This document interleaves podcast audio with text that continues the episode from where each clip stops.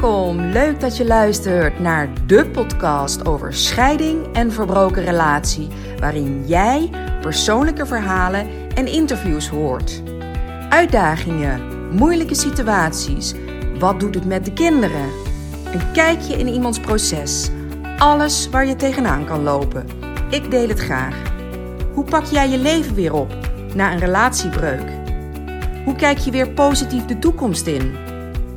Hoe kan je met eenvoudige stappen houvast krijgen? Rust, vertrouwen.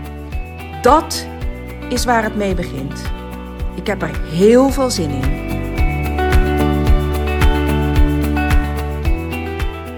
Heen en weer pendelen tussen twee huizen is voor ouders en kinderen vaak een gedoe.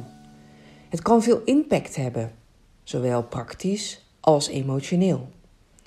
Alle spullen verzamelen schoolwerk, muziekinstrumenten, hockeyspullen of andere sportspullen, boterhamtrommels, favoriete kleding en op de middelbare school een zware stapel boeken. Voor mij was dat keer drie. En dan afscheid nemen. Alles in de auto. Weerstand. En je had je nog zo voorgenomen het gezellig af te sluiten. Leegte, gemis, verdriet, Misschien verheug je je wel op je weekend en dan voel je schuld. Hebben we alles? Niets vergeten? Want ja, iets vergeten betekent dat er weer op en neer gereden moet worden. De wissels kunnen niet altijd even soepel verlopen. Je ziet op tegen de confrontatie op de oprit, de kritische houding en vragen, de zorgen die je ervaart als de kinderen bij de andere ouder verblijven en het gemis, de bedtijden en de vermoeidheid op maandag. Een aantal dagen, soms een hele week uit beeld. Het taalgebruik, andere eetgewoontes, andere opvoeding, normen en waarden. En dan mag jij jezelf gaan vermaken. Mijn kinderen gingen er soepel in mee. Maar dat was in het begin niet altijd zo. In de begintijd bracht en haalde ik de kinderen. Dat brengen ging prima. Het halen daarentegen veel lastiger. Ik haalde ze namelijk letterlijk weg uit hun ritme. Ze moesten hun spel onderbreken, afbreken en de confrontatie met aanwezig bezoek was erg ongemakkelijk voor mij.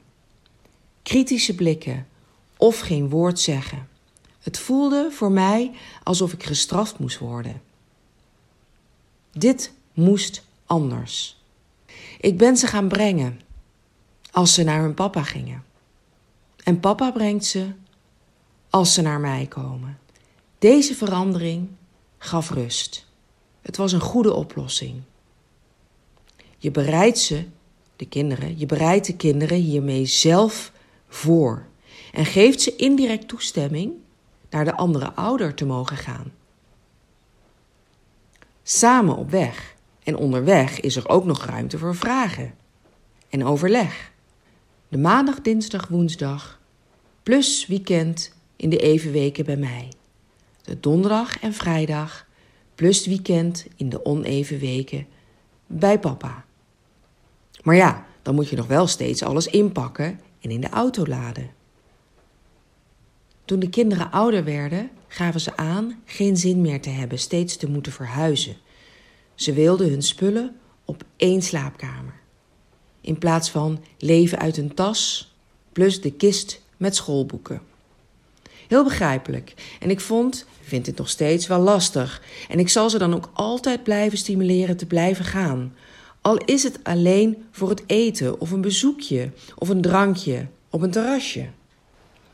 Wat wij deden om van de wissel een rustige verhuizing en een zachte landing te maken. Praktisch zorgden we voor een verhuistas en op de middelbare school voor een boekenkist. En een aparte tas voor overige activiteiten. Boterhamtrommels bij mij en bij papa. En als er dan toch iets heel belangrijks was vergeten, deed ik niet moeilijk en dan ging ik het brengen. Of dit altijd goed was, weet ik niet. Hiermee kan de alertheid het Secura inpakken natuurlijk verslappen. Want ja, mama brengt het toch wel. Dat gebeurde ook. En toch sta ik nog steeds achter deze keuze. Voordat ik ze afzette bij papa, deelden wij nog even een bakje kibbeling bij de visboer. En wat ik trouwens ook hoor, wat ik ook een praktische tip vind, is, ehm, en zeker bij jonge kinderen, um, dat men een communicatieschriftje gebruikt. Dan hoef je niet altijd bij de deur te communiceren. Ik heb dat zelf niet gedaan, maar ik hoor dat wel. En uh, dat schijnt bij een heleboel ouders heel prettig te werken. Nou ja, vanaf het moment dat de voordeur openging, liepen de kinderen rechtstreeks door naar de bank of naar hun kamertjes en zetten ze hun leventje voort. Naar mijn idee verliep het soepel. In ieder geval, het zag er heel soepel uit. En ik hoop dat de kinderen dit ook zo ervaren hebben. Spullen uitladen en op de vaste plek plaatsen. En dan alleen terug naar huis. In het begin voelde dat bizar, leeg en confronterend. Uiteindelijk kon ik de knop steeds sneller omzetten en voelde ik ruimte te genieten van activiteiten zonder de kinderen. Stem die wisselmomenten goed af met elkaar. En wat is prettig voor de kinderen? Wat is de reisafstand? Wie beschikt er over een auto? Hoe oud zijn de kinderen? Wanneer sporten de kinderen of hebben ze andere activiteiten? Hoe gaan anderen om met de wisseldagen?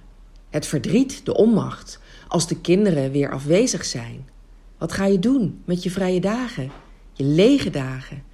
Hoe voelt het met anderen te kunnen praten die exact hetzelfde ervaren? Of het in ieder geval heel goed begrijpen.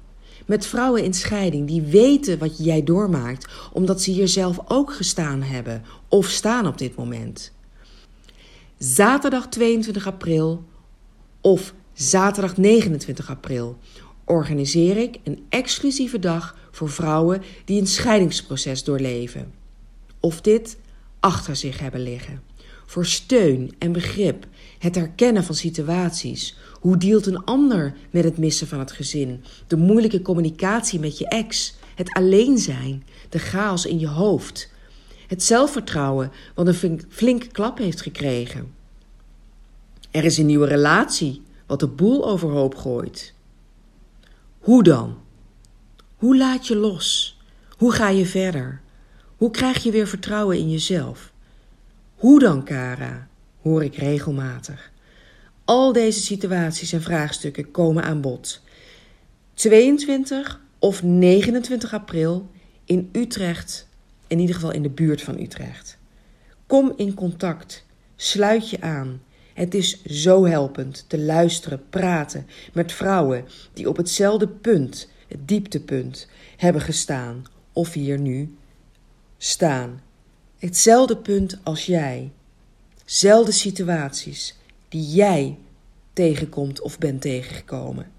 Sluit je aan. Inschrijven kan via Instagram.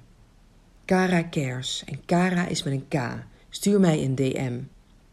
Of stuur een mail naar kara.karacares.nl. Je bent zo welkom. Maak er wat van vandaag.